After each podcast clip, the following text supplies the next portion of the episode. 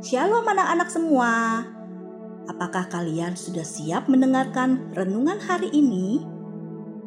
Renungan hari ini berjudul Tuhanlah kekuatanku dari Keluaran 15 ayat 2. Jantung berdebar kencang. Kereta berlomba. Tombak berkilau di bawah sinar matahari. Anak-anak Israel menoleh ke belakang dan melihat Firaun dan pasukannya mengejar mereka. Anak-anak berlari ketakutan, berteriak, menangis, takut, tegang, khawatir, semua ada. Orang Israel baru saja meninggalkan Mesir dan sedang dalam perjalanan ke tanah perjanjian ketika mereka menemukan diri mereka berdiri di Laut Merah. Saat itu, Firaun memutuskan bahwa dia ingin budaknya kembali untuk bekerja menjadi budak di Mesir. Karena itu, ia memerintahkan pasukannya untuk mulai mengejar orang Israel. Tiba-tiba, anak-anak Israel berada dalam situasi yang menakutkan.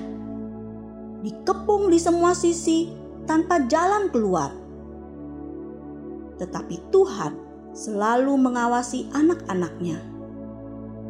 Dia membawa pembebasan bagi orang-orang Israel dengan membelah Laut Merah dan membiarkan mereka menyeberang di tanah yang kering.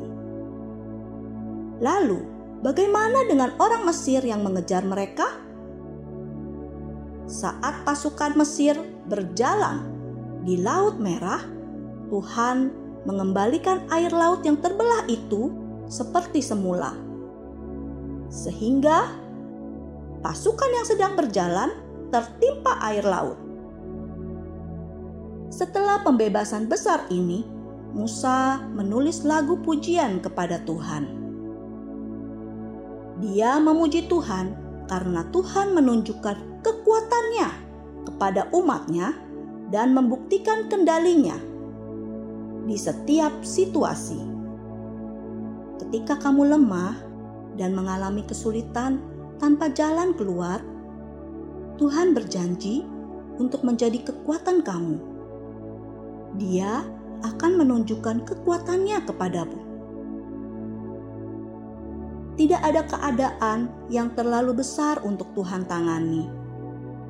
Sebagai anak Tuhan, mari kita ingat bahwa melalui setiap cobaan, kesulitan, Tuhan memegang kendali. Dia tidak hanya akan menunjukkan kepada kamu bahwa Dia adalah Tuhanmu, tetapi Dia juga akan menjagamu dan menjadi kekuatanmu. Luar biasa bukan Tuhan kita? Percayalah kepadanya. Bersandarlah kepadanya. Amin. Tuhan Yesus memberkati.